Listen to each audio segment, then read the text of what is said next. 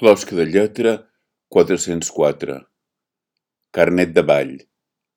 El ball del folls? Ha, ha, ha, ha! Quan el sol es colga, encén més viu. Hi ha miralls per la incandescència? Saps la veu? La veu, sempre la veu, amb els desafiaments emocionals, amorosos, aquesta qualitat de l'essencial que m'importa. Els mots et duen tan lluny al final. La veu és un òrgan que no és necessari fer servir com un òrgan si se'n vol treure alguna cosa que superi el so just. La veu que surt és una altra veu. És el cos sublimat, alguna cosa que s'erotitza tot d'una. Cal prendre la llibertat d'aquesta expressió com la de les llàgrimes. Què sent la meva veu? Alguna cosa de molt humil i molt noble que ha estat maltratada per la vida. La mirada llunyana de la meva mare. La intensitat, l'exultació, recitar deixa cicatrius o carícies. Això vol dir l'expressivitat, la implicació extrema, el joc en la pròpia potència de connexió. Al llarg dels anys, una càrrega elèctrica s'ha condensat damunt el meu cap. Això vol dir la inquisició, la pietat, la gelosia, l'entrega, el maltractament, el fervor. Cal inventar receptes d'invisibilitat, travessar passions com qui va damunt ponts tremoladissos i primitius, damunt l'abisme. Faig la meva feina de la forma més artesanal possible. Durant molt de temps he tingut el sentiment que calia multiplicar les intensitats i els perills. Tenia por de la calma creient que perdia la vibració, que donaria menys.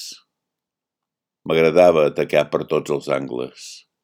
Flashbacks, pastitxos integrats, plans sistemàtics en angle baix, fosos en negre els trucs de la història. Tots som víctimes d'un relat antic, amagat, profund, estel·lar, sediciós, que mata en el moment en què és contat. Per què aquesta estranya i repetitiva passió? Per què vol fer sempre una sinfonia llarga de fragments en què mescli el pensament, la vida, la ficció i el saber com si es tractés d'un únic cos?